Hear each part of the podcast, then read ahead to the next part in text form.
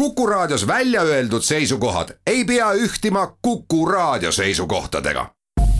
Te kuulate Kuku Raadiot.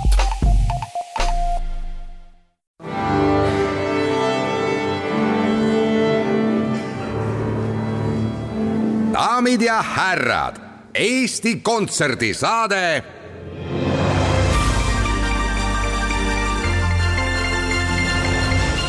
aplaus.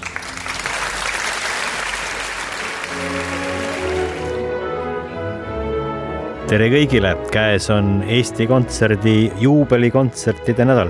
isegi natukene piinlik, kui palju oleme siin saadetes sellest kokkuvõttes aasta jooksul rääkinud. õige sünnipäev oli Eesti Kontserdil juba läinud talvel, neljandal veebruaril. sinna oli planeeritud ka suurejooneline juubeli tähistamine ning sellest ajast alates on juubelikontsertide ettevalmistamine tundunud kui lõputu küünlapäev. juba aasta algul oli selge, et veebruaris kontserte ei toimu.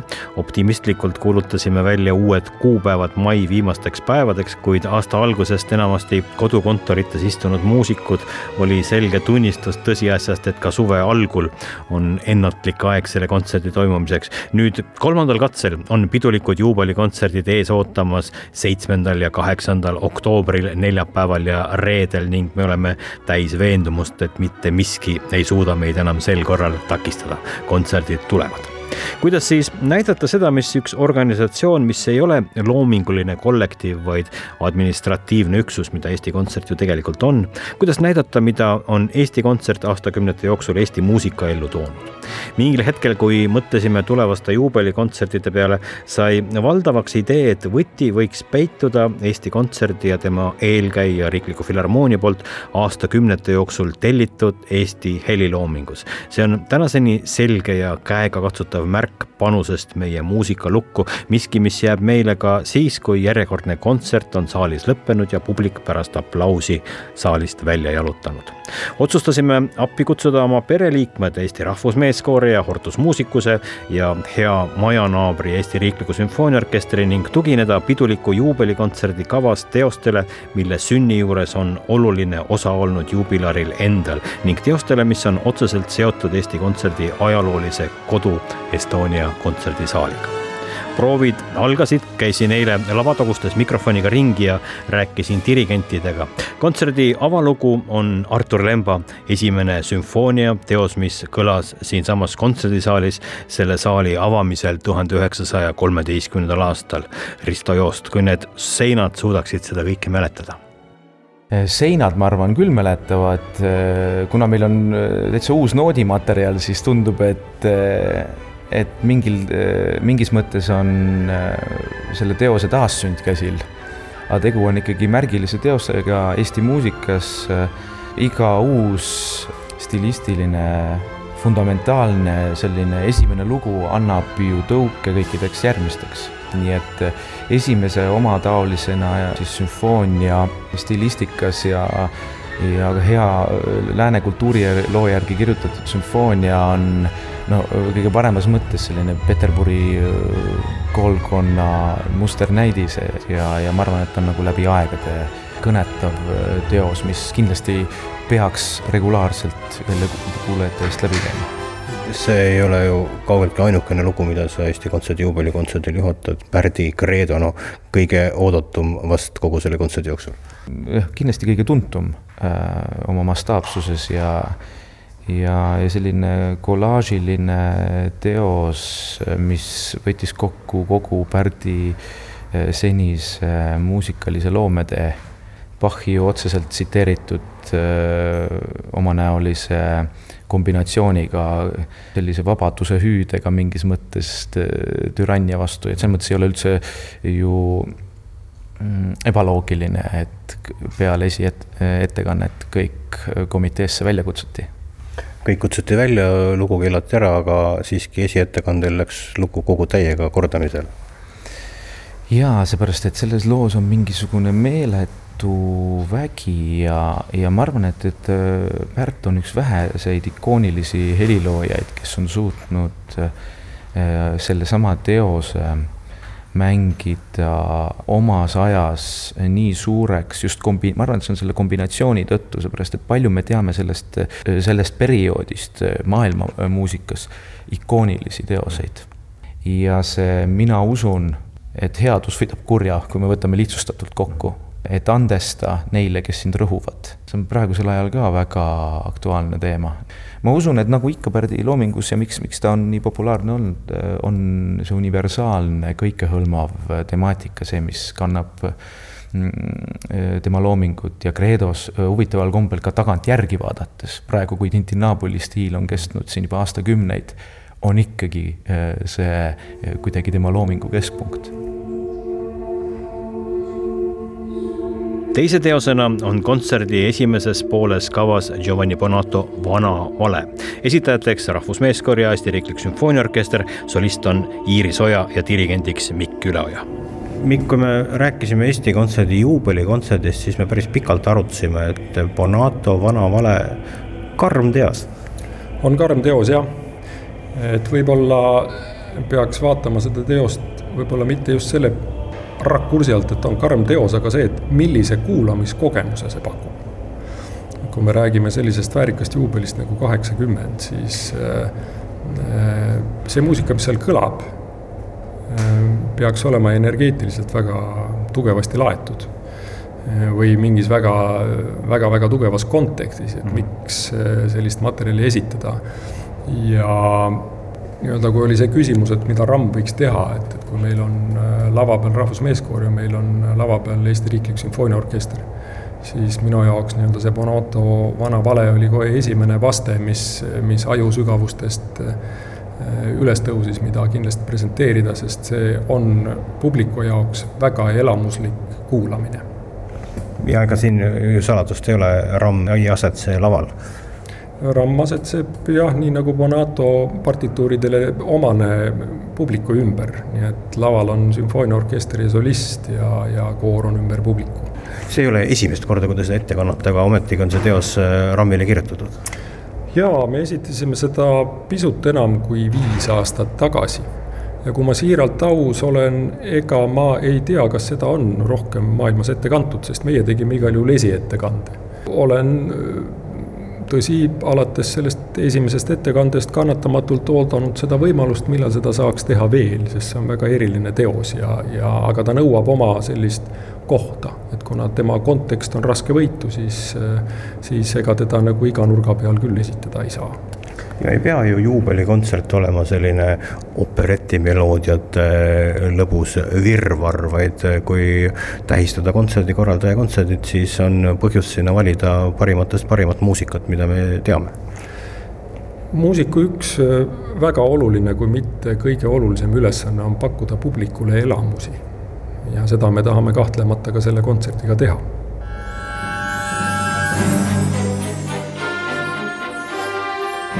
ja siis teises pooles lisaks Hortus Musicuse etteastele selleks õhtuks kokku pandud kollaaž EK kaheksakümmend ja Andres Mustonen. Andres, esimene proov sai just praegu otsa, me kõik oleme siin väga põnevil ja, ja mures ja, ja, ja närvis. Eesti Kontsert kaheksakümmend, see suur kollaaž, no kuidas esimene proov läks? no mures ja, ja närvis ei maksa üldse olla, sellepärast et kui ma, kui ma teen, siis on alati asjad korras. ja väga hästi on ette valmistatud, aga ma tahan öelda seda, et terve see terve see teos mõjub nagu erakordne maailmamuusika.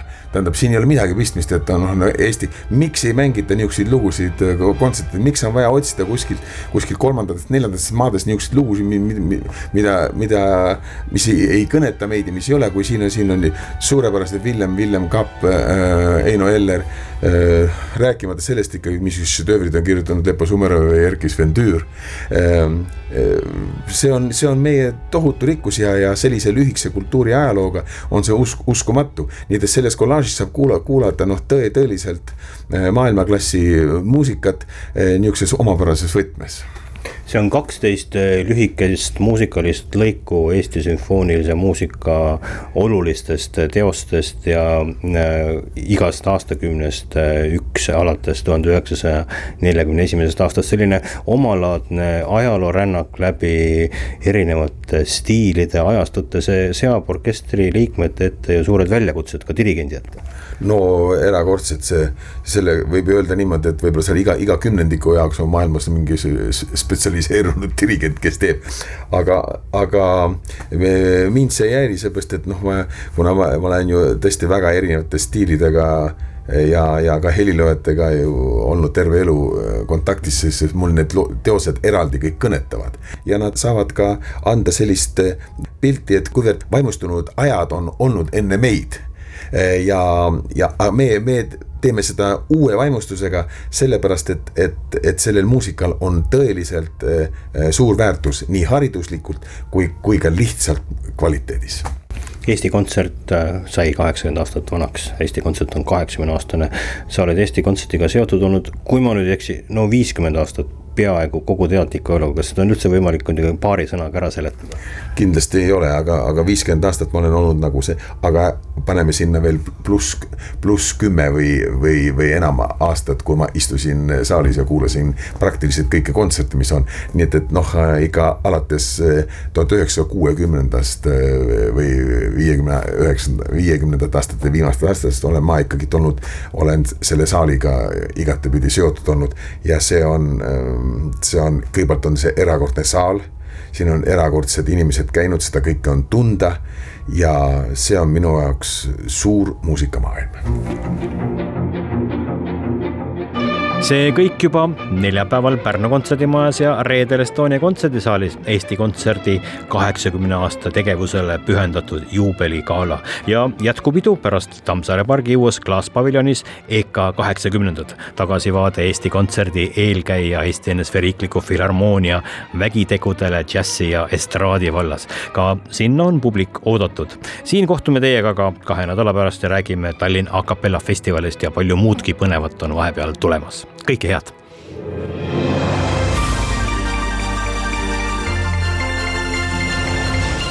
aplaus.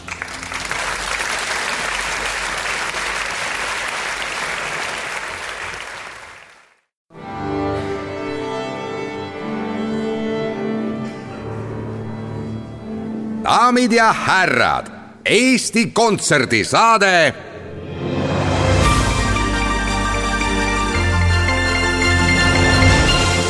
aplaus.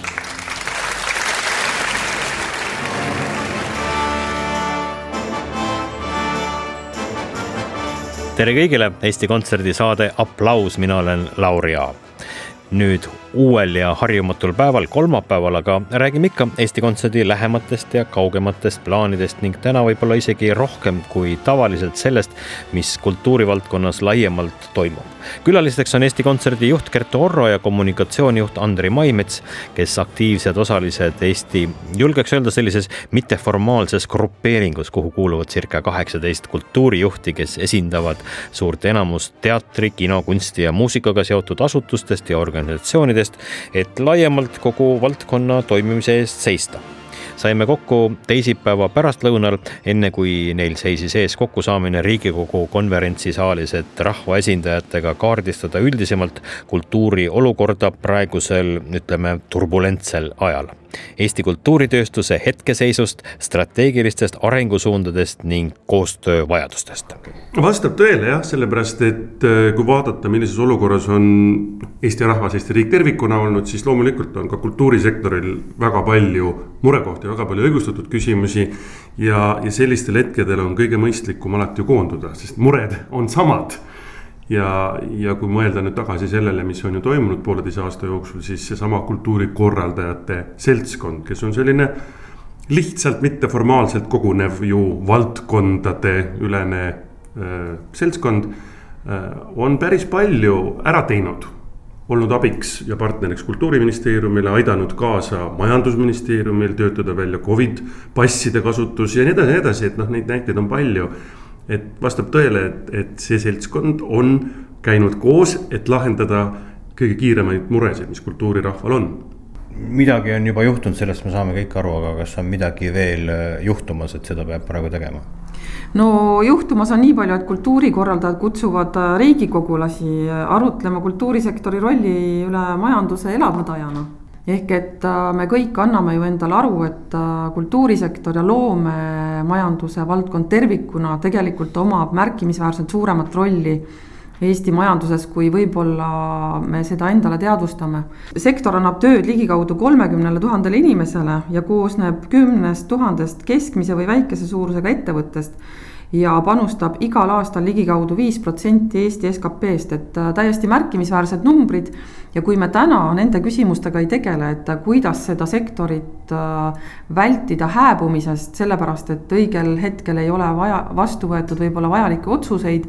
siis me neid vilju maitseme ju mitme aasta pärast ja need viljad on juba täna näha, et need saavad olema kibedad, ehk et just nimelt täna ongi see hetk äh, siin kriisi sees selle kõigega tegeleda, sellepärast et äh, teame kõik, õiget äh, kriisi ei saa raisku lasta ja just nimelt praegu tulebki tegeleda sellega, et leida see õige tee õiged strateegiad et kultuurisektor oleks jätkusuutlik ja saaks toimetada ka viie, kümne, viieteist aasta pärast et põhjuseks ei ole ainult see Covid pandeemia, vaid see, et sellega seoses on äh, kultuuri tarbimiseks leitud äh, uued ja digitaalsed viisid, mis kultuuri tegijatest otsekui teatud määral mööda lähevad no struktuursed muudatused on, on loomulikult vältimatud ja see kriis on ju välja toonud selle. et üks on äh, kõige ilmsem asi, ma arvan, kultuurikorraldajatele on piletimüügi langus.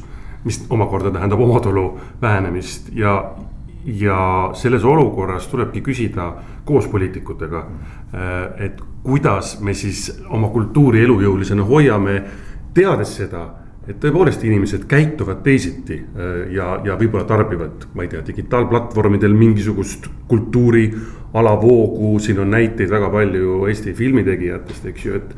et kohe, kui, kui pandeemia saabus, äh, läksid väga paljud filmitegijad üle VOD platvormidele või siis kohe nii-öelda kino jäeti vahele ja ega kino pole taastunud siiamaani, mis tähendab seda, et võib-olla tulevikus see kino siis polegi enam koht.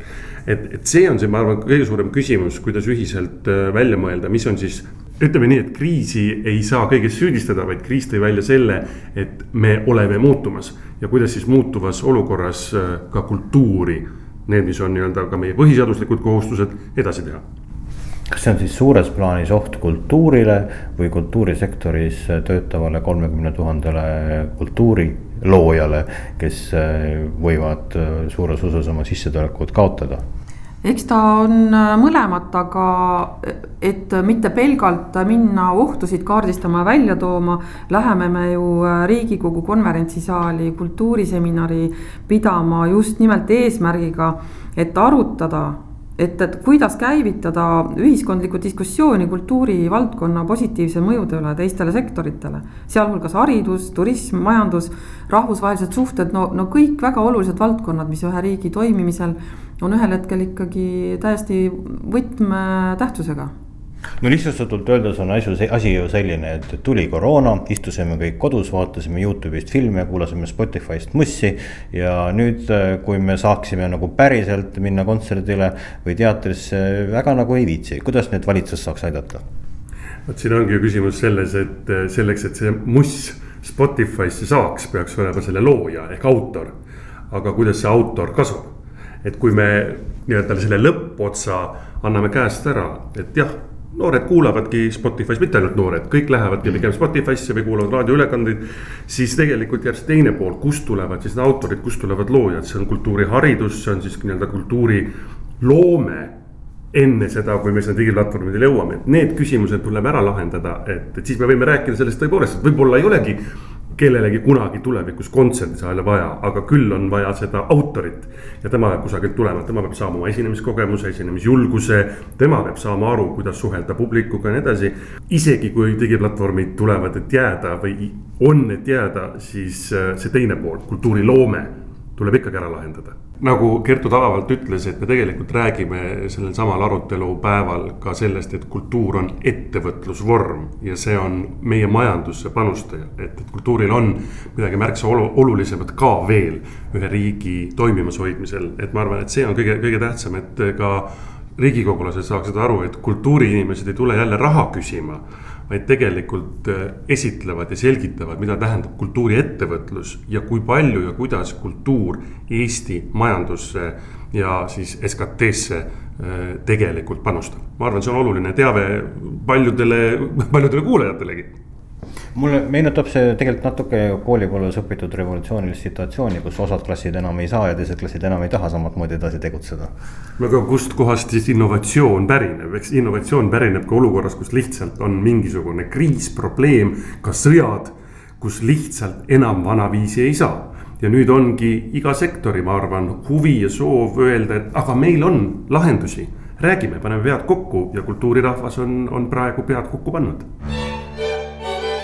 kontserdid muidugi toimuvad ka, juba teisipäevast on mööda Eestit ringi sõitmas grupeering nimega Zinne Tango, päris autentne Argentiina tangoansambel, mis toredamgi veel on mehitatud meie oma pandooniumi mängijaga Kaspar Uljasega, kes paralleelselt Eestis ja Belgias viimasel ajal musitseerib. kavas on neil nii vanema tango traditsiooni paremaid näiteid kui ka tango nuevo.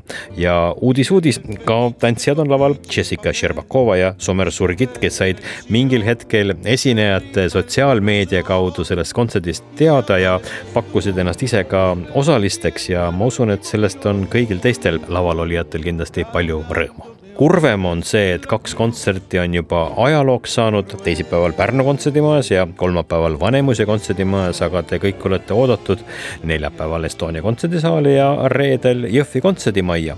El Tango Argentino on kontserdi pealkiri ja Zinne Tango on laval. Lauljaks Omar Mollo, Ladina-Ameerika suur staar, keda kohapeal üldse peetakse viimaste kümnendite parimaks tangolauljaks ja ka just tango ja rokkmuusika osavaks sünteesiaks ja tema on Eestis esimest korda. homme Tallinnas, reedel Jõhvis El Tango Argentino ja Zinne Tango rahvusmeeskoor, Eesti rahvusmeeskoor on tulemas publiku ette nõudliku ja põneva kavaga, mille kohta meeskoori peadirigent Mikk Üleoja on kirjutanud järgmist pöördusin heliloojate poole sooviga, et nad komponeeriksid teoseid, mille sisu oleks praeguses hetkes aktuaalne. lõpptulemus oli kummatigi üllatav Tõnis Kaumann valis teksti aastatuhandete tagant, Mart Jaanson liikus nii sõnas kui muusikaesteetikas pisut enam kui sajandi jagu ajast tagasi. Vladimir Agopov pöördus minevikku, et selle abil nägemuslikku tulevikku kujutada. mis siis ikkagi on tänasel päeval aktuaalne? Usutavasti saab sellele läbi muusika vastuse Rahvusmeeskoori kontsertidel kahekümne kaheksandal septembril Vanemuise kontserdimajas ja kahekümne üheksandal septembril Estonia kontserdisaalis.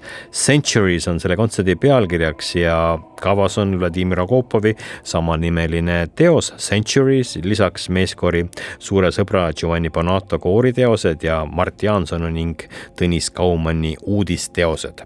Eesti Rahvusmeeskoor, Meelis Vind, bassklarnetil ja dirigent on Mikk Üleoja Giovanni Bonatot esitab meeskoor ühe teosena ka Eesti Kontserdi juubelikontsertidel, aga seal moodustab see suurest kontserdist muidugi tillukese osa. Eesti Kontsert kaheksakümmend, suur juubeligala. osalisteks Eesti Rahvusmeeskoor, Hortus Musicus, suur oratooriumikoor, Eesti Riiklik Sümfooniaorkester, dirigendid on Risto Joost, Andres Mustonen ja Mikk Üleoja ja kavas on Lemba esimene sümfoonia, Giovanni Bonato Vana vale, Arvo Pärdi Credo, Guia Cancelli Helesa ja suur suur Eesti muusika tähtteoste ajalooline audiovisuaalne kollaaž Eesti Kontsert kaheksakümmend kõik see toredus seitsmendal oktoobril Pärnu kontserdimajas ja kaheksandal oktoobril Estonia kontserdisaalis Eesti Kontserdi kaheksakümne aasta juubelile pühendatud suured sünnipäevakontserdid, mis on nüüd äh, aasta jooksul juba kolmandat korda edasi lükatud ja nüüd nad lõpuks siiski tulevad. aga sellest äh, räägime juba kahe nädala pärast ja head sõbrad, kontserdid toimuvad praegu igal pool, seal on hea ja turvaline olla, mis siin ikka kodus arvuti taga passida. kohtume kontserdil ja kõike head teile